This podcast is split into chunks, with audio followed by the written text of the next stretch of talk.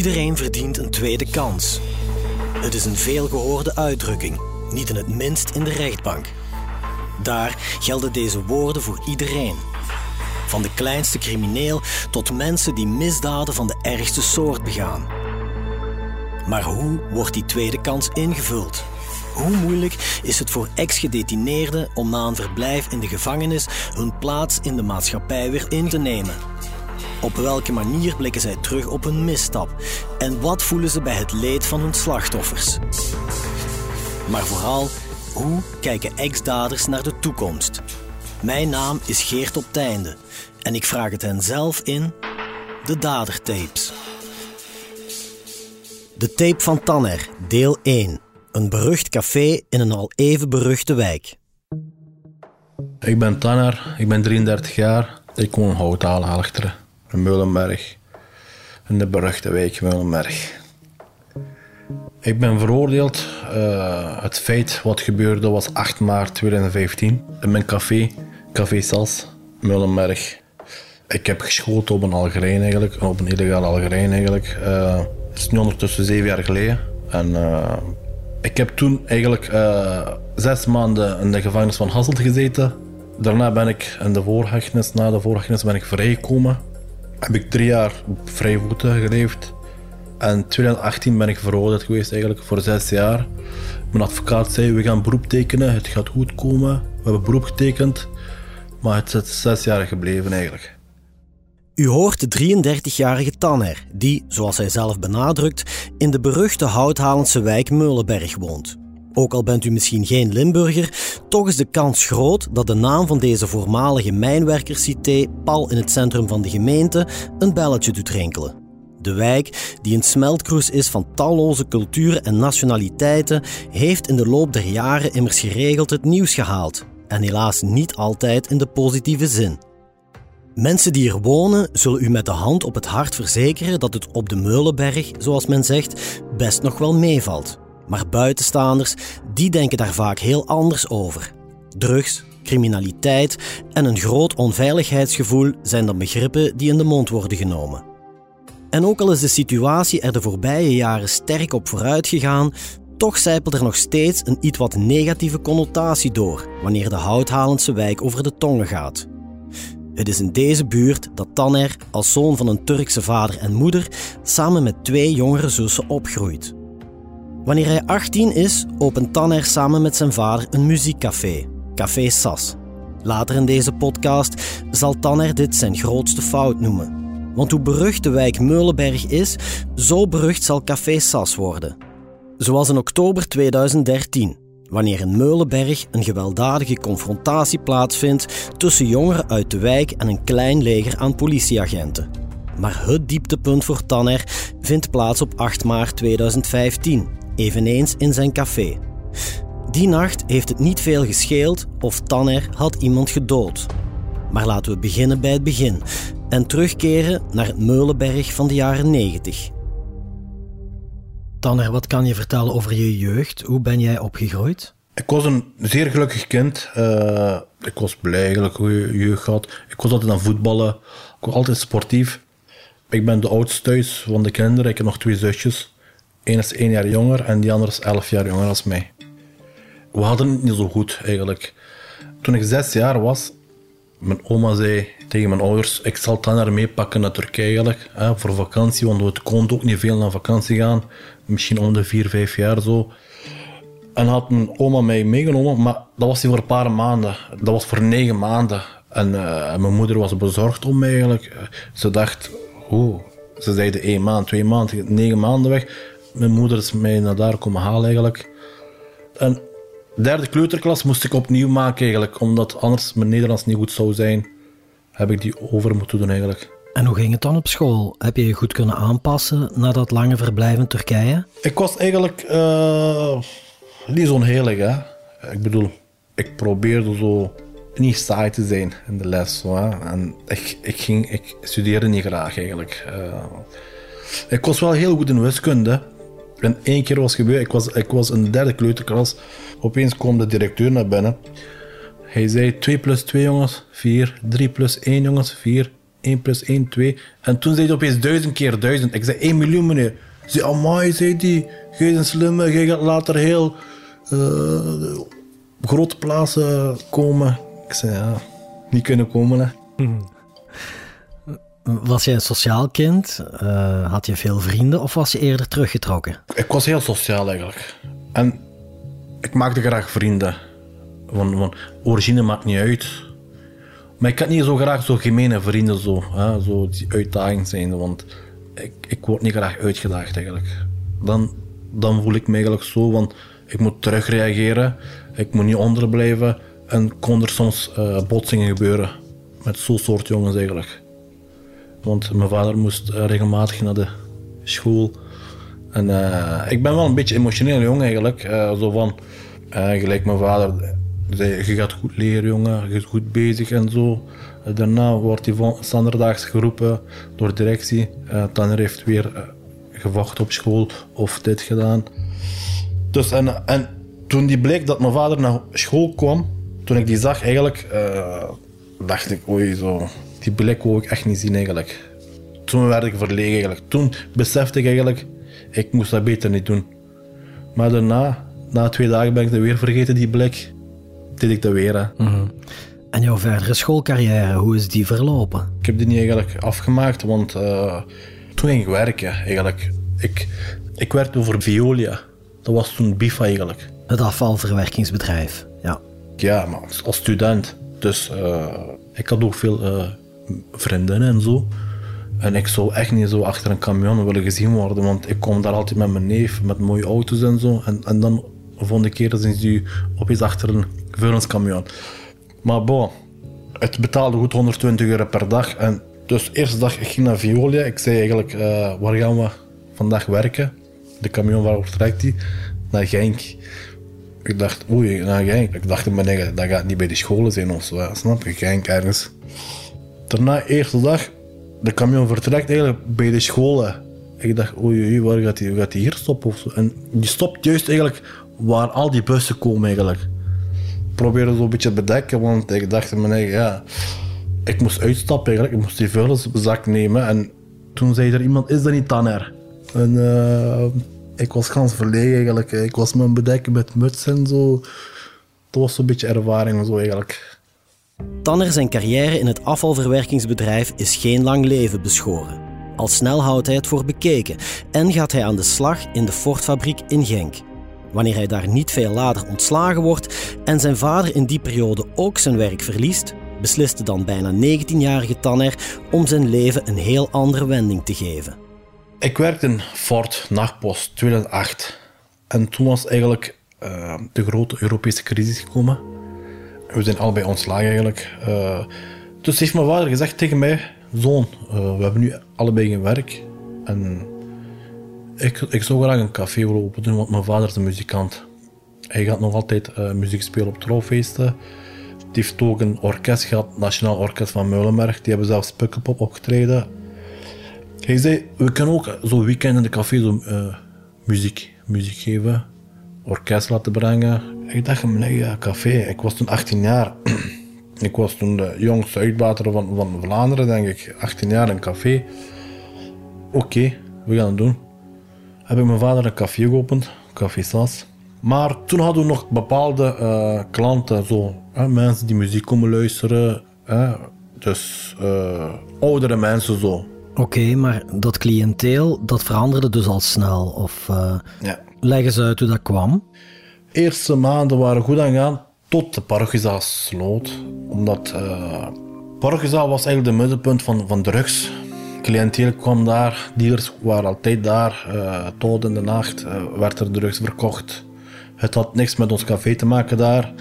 Totdat de burgemeester de zaak sloot.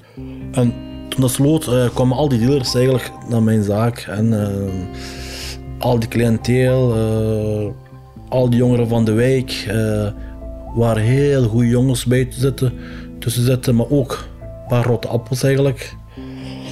En de echte cliënteel die daar toen kwamen voor muziek, hè, kwamen niet meer door de jongeren.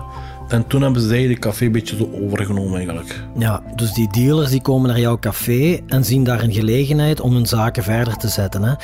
Hoe moeten mensen die Meulenberg niet kennen zich dat voorstellen? Hoe gevaarlijk was die buurt? Het zit zo eigenlijk gevaarlijk, ja. Dat mensen eigenlijk een, een mannelijkheid wilden laten zien. Een spieren. Want toen ik pas begonnen was, ik was 18, 19 jaar.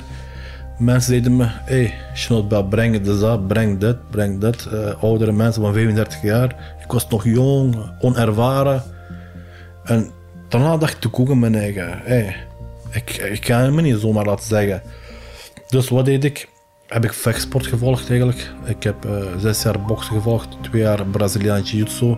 Want ik dacht altijd, als ik sterk ben, heb ik meer invloed op hun eigenlijk. Kan ik meer zeggen van, jongens, doe dit, uh, benen van tafel af. Of dit is mijn autoriteit eigenlijk, dit is mijn zaak. Oké, ik, ben, ik ben een sociale persoon, ik ben fatsoenlijk beleefd. Maar ik ga me niet zomaar laten zeggen. Het gezellige muziekcafé van Tanner ontpopt zich in nog geen jaar tijd tot een pleisterplek van dealers en hangjongeren. In die tijd haalt Café Sas verschillende keren de krantenkoppen, onder meer door een kassadiefstal en een gewapende overval op een sigarettenleverancier, die zich vlak voor de deur van het café afspeelt. In oktober 2013 komt de zaak alweer in het nieuws, wanneer Café Sas plots en ongewild het middelpunt wordt van hevige rellen tussen een groep Meulenbergse jongeren en de politie. Dan kan je eens uitleggen wat er gebeurd is op 11 oktober 2013? Dat was eigenlijk uh, een, een, kameraad van mij, eigenlijk, die niet zo ver van mij woont. Uh, die was een Hasselt gepakt met een paar gram hash of zo. Uh, ja, wie heeft geen hash hier in Meulenberg dag, snap je? En hij werd eigenlijk uitgenodigd door de politie. Hij is niet gegaan. Tweede keer weer uitgenodigd. Hij is weer niet gegaan eigenlijk. Ik weet de reden niet. Daarna was de politie naar zijn huis gekomen eigenlijk. Uh, en de politie wou naar binnen gaan hè, met, met uh, de ouders zeggen. Je kunt niet zomaar naar binnen gaan. Hè. Je hebt geen... Je kunt niet zomaar naar binnen gaan. Dus ze lieten dat niet toe. Ik geef de ouders gelijk. Waarom gaat je... Dat is, dat zijn ouders zijn huis, snap je? En wat er toen gebeurde, de politieagent is heel lang, groot struis en de ouders zijn ja, oud, hè, snap je? En op een gegeven moment was de politie echt aan het duwen tegen de ouders. Eigenlijk. De ouders was, de moeder was bijna op de grond gevallen. En toen was de week naar daar gekomen eigenlijk. Ze zagen dat gebeuren. Die hebben die politie aan de kant gezet. Zo van, wat is hier op oudere mensen het... Uh... Oké, dus eigenlijk heeft een deel van die jongeren gereageerd op dat politieoptreden. En wat is er toen gebeurd? Toen waren er nog meer combi's gekomen eigenlijk. En die hebben die kameraad van ons, die vriend van ons, meegepakt. Uh, jong heeft de achterruit van de combi kapot geslagen met zijn voeten. Die is er uitgevlogen eigenlijk, uh, weggegaan eigenlijk. Ja, daarna is dat begonnen. Hè. Daarna dacht ik, ik was ook de café sluiten of niet? Of gaat hier escaleren? Uh, wat gaat er gebeuren? Want ruit kapot van de politie, die jongens weg. Ik dacht, ik ga die café openen, doen, waarom zou ik die sluiten, snap je? Mijn grootste fout. Ja. Ik had de café nog open. Toen zagen we opeens politiecombis komen, 30 stuks misschien, of meer misschien, met elk 4, 5 politie erin. Ja, tel eens uit, 30 maal 4, hè, 120 politieagenten met honden. En uh, mijn grootste fout was de café open laten, want... Uh, ja, er waren ook in de café veel mensen, 40 mensen, misschien 45 mensen. Ja, de politie komen met 40 combis, komt naar, de wijk. Voor één persoon die geen terrorist is, of uh, die geen zware feit heeft gepleegd, misschien een paar gram hash op zak en die, die niet op de uitnodiging is ingegaan, dat was een fout, hè? hij moest gaan. Hè? Maar ja, je moest zo ver komen voor, voor die paar gram hash. Ja, het is inderdaad ver gekomen, hè, want op een bepaald moment werd er zelfs met stenen gegooid naar de politie van op het terras van uw café. Ja, dat is toch wel straf, hè? Ja, het was allemaal chaos eigenlijk. Uh, ik praat dat niet goed, hè. dat is sowieso niet goed. Hè. Ze moesten het ook niet doen, maar de politie moest ook niet, niet zo optreden. Dus dat kwam van beide kanten. Hè. Als beide kanten botsen, dan komt er een grote schade eigenlijk. En toen de politieagenten met de commies aan het vertrekken waren eigenlijk, uh, is één eigenlijk geraakt. De venster was open van hem eigenlijk. Hij is geraakt door een groot steen, denk ik. En die, die reed over een lantaarnpaal. lantaarnpaal ging plat. En die botst tegen mijn terras, eigenlijk tegen de muur. Zo'n scheurend was die, was echt een beetje naar, naar de beuren. En daar was een gracht. En die was erin gevallen eigenlijk. Dat was een twee meter gracht. Eh, De auto kon elk moment naar beneden vallen eigenlijk. Iets houden die auto tegen eigenlijk. Het was chaos.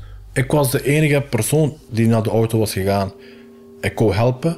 Ik doe de eh, deur open van de combi.